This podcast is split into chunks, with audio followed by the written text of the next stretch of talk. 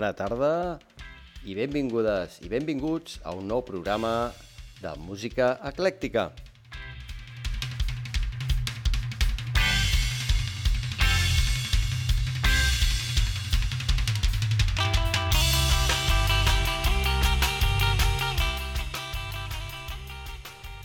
En l'anterior programa, abans de les vacances, vam gaudir de l'evolució musical a Manchester, partint del punk, passant pel post-punk, l'indie, l'aparició de l'electrònica, el house i la cultura de club, com a gran referent al club Hacienda. I no obviem l'entrada en escena de les drogues sintètiques. Amb tot aquest batibull, bandes com Stone Roses van saber sintetitzar-ho i crear un son novedós que es va anomenar Manchester, o Baggy, també per l'estètica que duia associada. I de cop, tot el Regne Unit i de retruc el continent van fixar la vista a Manchester, la seva moguda de club i les bandes que van començar a sorgir. Un d'aquests grups el va formar Martin Coogan, el germà gran de l'actor Steve Coogan l'any 1985, The Mock Turtles, nom que sorgeix d'un personatge del llibre Alicia al País de les Meravelles. Van obtenir l'èxit amb la cançó de 1990 Can You Dig It, del seu primer àlbum Turtle Soup. Van editar un segon àlbum el 1991 abans de desaparèixer el 1993 per formar el grup Ugly. La cançó Can You Dig It es va remixar el 2003 per a una campanya de publicitat, cosa que va servir per editar un àlbum recopilatori del grup. Escoltem, però, un altre tema del disc de debut dels Turtles, One Eyed Jack, The Mock Turtles.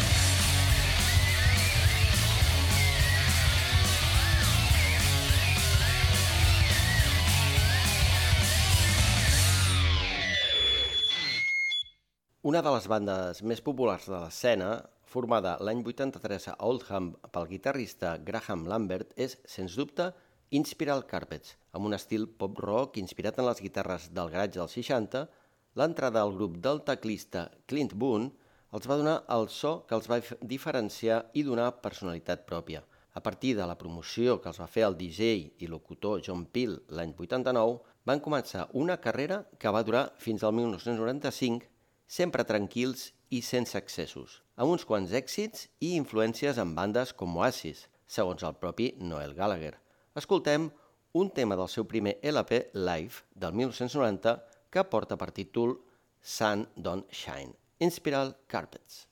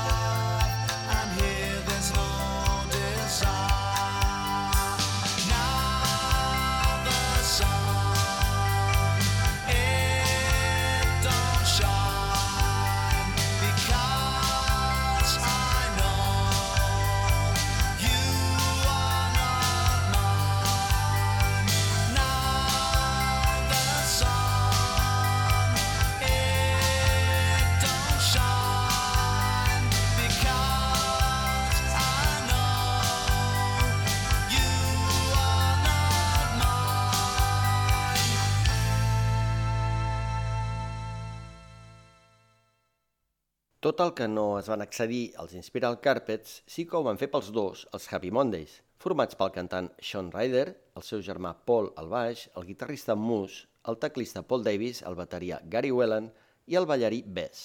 Van començar contractats per Tony Wilson per a les batalles de grups al Club Hacienda i les seves cançons, barreja d'indie i ritmes hipnòtics i ballables, remesclades pels DJs, els van convertir en grup icona de la cultura rave – van editar quatre LPs, el més reconegut dels quals és el de 1990, Pills and Trills and Belly Age, i diversos singles. però no van saber gestionar l'èxit per culpa en gran part de l'abús de les drogues.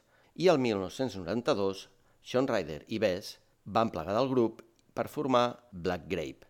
El 2004 van tornar breument amb un DVD d'un concert a Barcelona i diverses actuacions. Escoltem un dels temes del disc de 1990 titulat Bob's Year Uncle.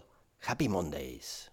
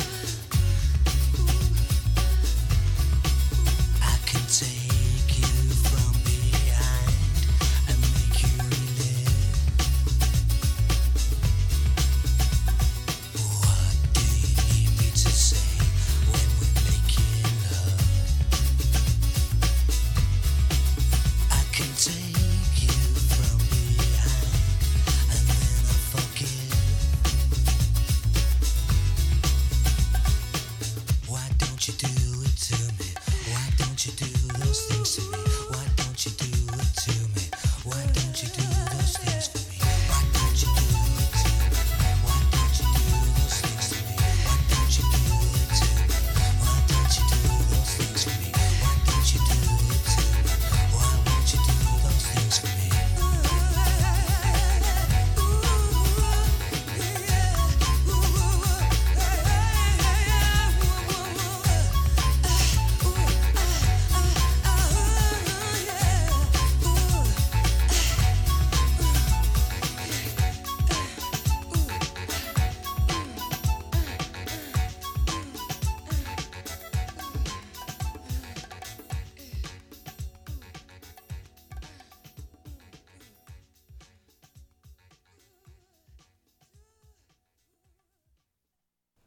Northside va ser una banda poc reconeguda del moviment Manchester, formats el 1989 i fitxats per la Factory Records, després d'haver llançat un parell de singles, entre ells la cançó Shall We Take a Trip, censurada en el seu moment per la BBC per les al·lusions que feia a les drogues. Evidentment, això només fa que suscitar major interès i el tema va entrar als charts d'èxits. El 1991 van publicar el seu únic àlbum, Chicken Rhythms, i quan estaven gravant el segon treball, l'any següent, Factory Records va tancar i la banda es va dissoldre. Escoltem el tema Shall We Take a Trip? Northside. Shall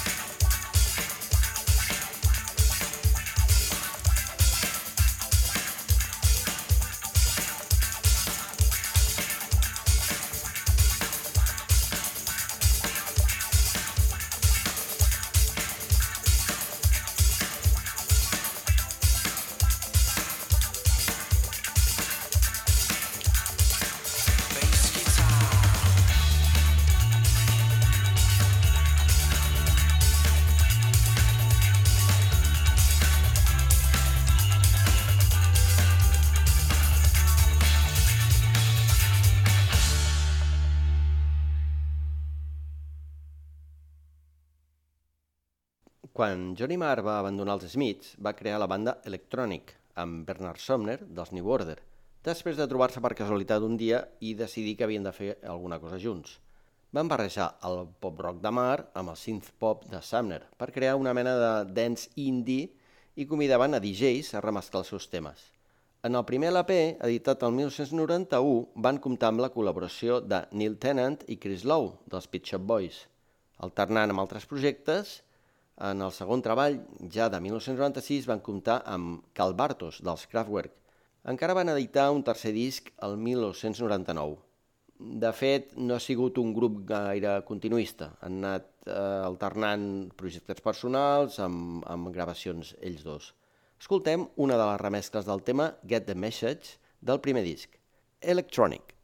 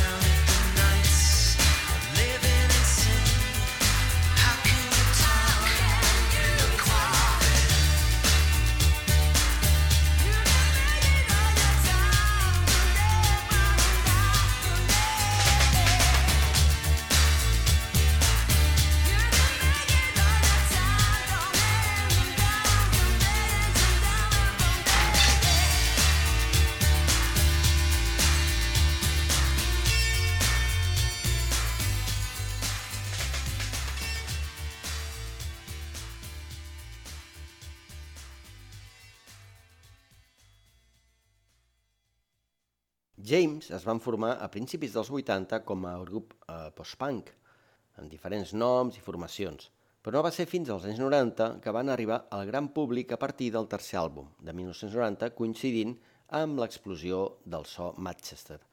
amb èxits com Sit Down i Come Home, amb Tim Booth, que havia començat de ballarí com a líder, cantant i lletrista del grup.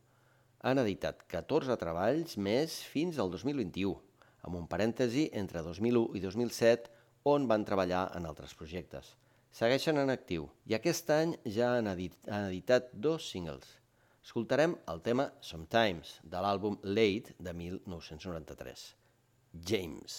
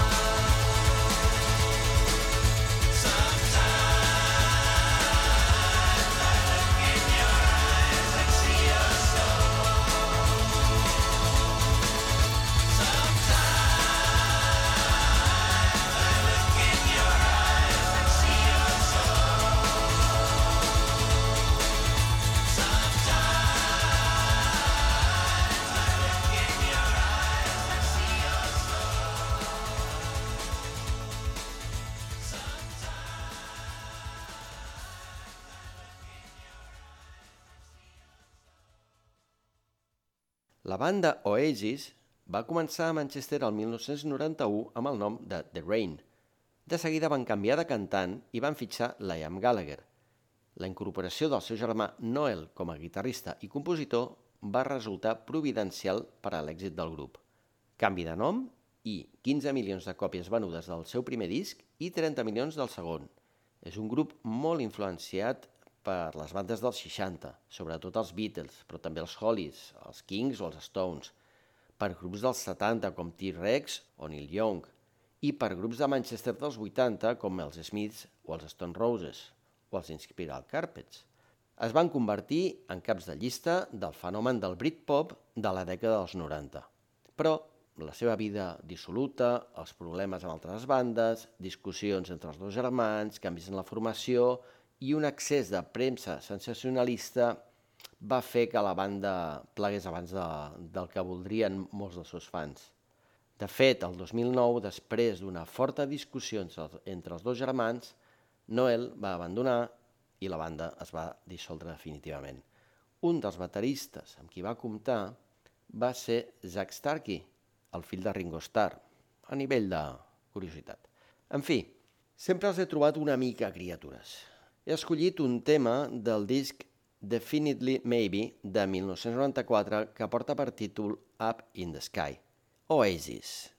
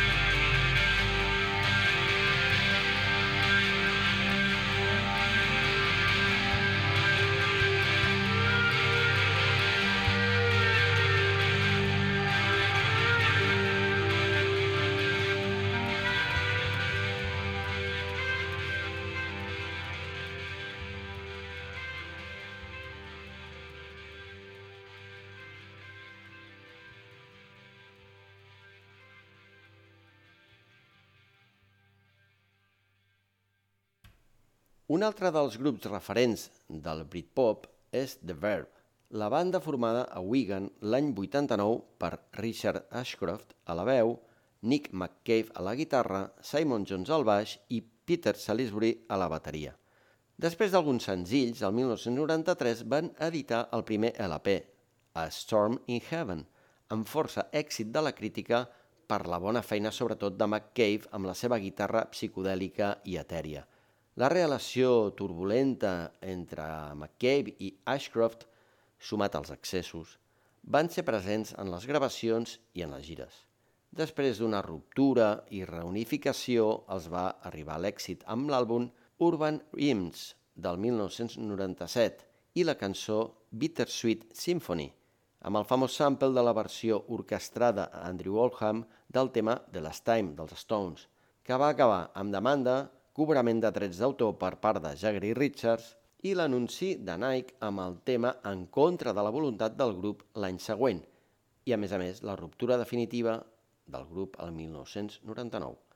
Es van reunir el 2007 per editar un disc el 2008. Escoltem un tema del primer disc titulat Shoeshine Girl, The Verb.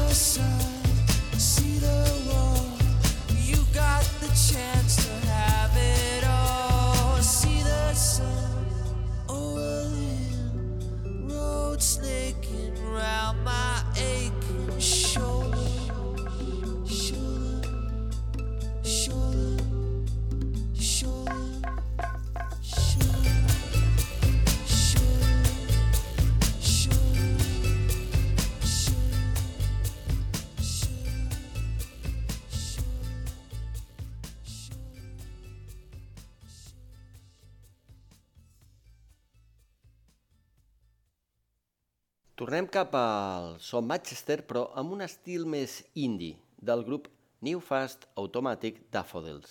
Ja el nom ve d'un poema d'Adrian Henry. Fan un rock alternatiu amb lletres fosques i ritmes ballables pels seus riffs repetitius i percussions que em recorden una mica l'estil dels grups de dance punk de Nova York de finals dels 70 i principis dels 80. Van editar 4 LPs i diversos EPs entre 1989 i 1995. Escoltem el tema Life is an Accident de 1994, New Fast Automatic Daffodils.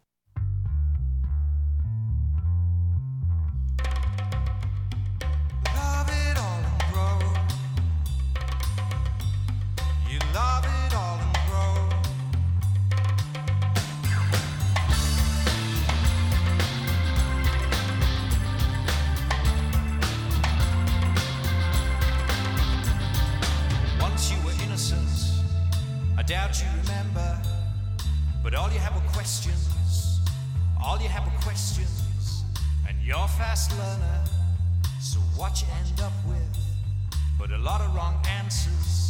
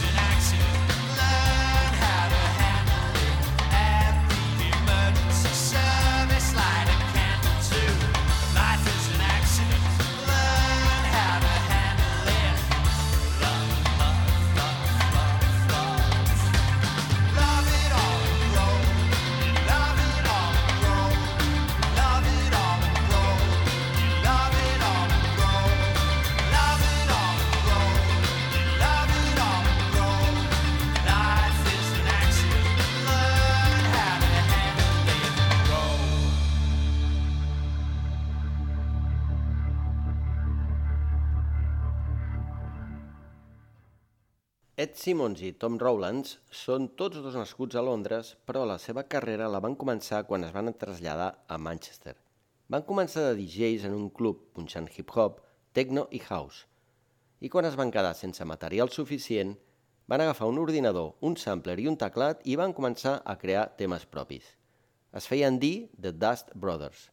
Van començar a remesclar per a altres artistes i el 1994 van llançar el tema Chemical Beats, inaugurant l'anomenat so Big Beat, seguit després també per Fatboy Slim i d'altres. Es van traslladar a Londres un altre cop, sent els DJs residents del Heavenly Social Club i van passar a anomenar-se The Chemical Brothers. A partir d'aquí s'han convertit en un dels grans noms de la música electrònica, remesclant a moltíssims grups, editant discs girant per tot el món amb els seus espectacles plens de llum i imatges. Escoltem el tema Leave Home de 1995, The Chemical Brothers.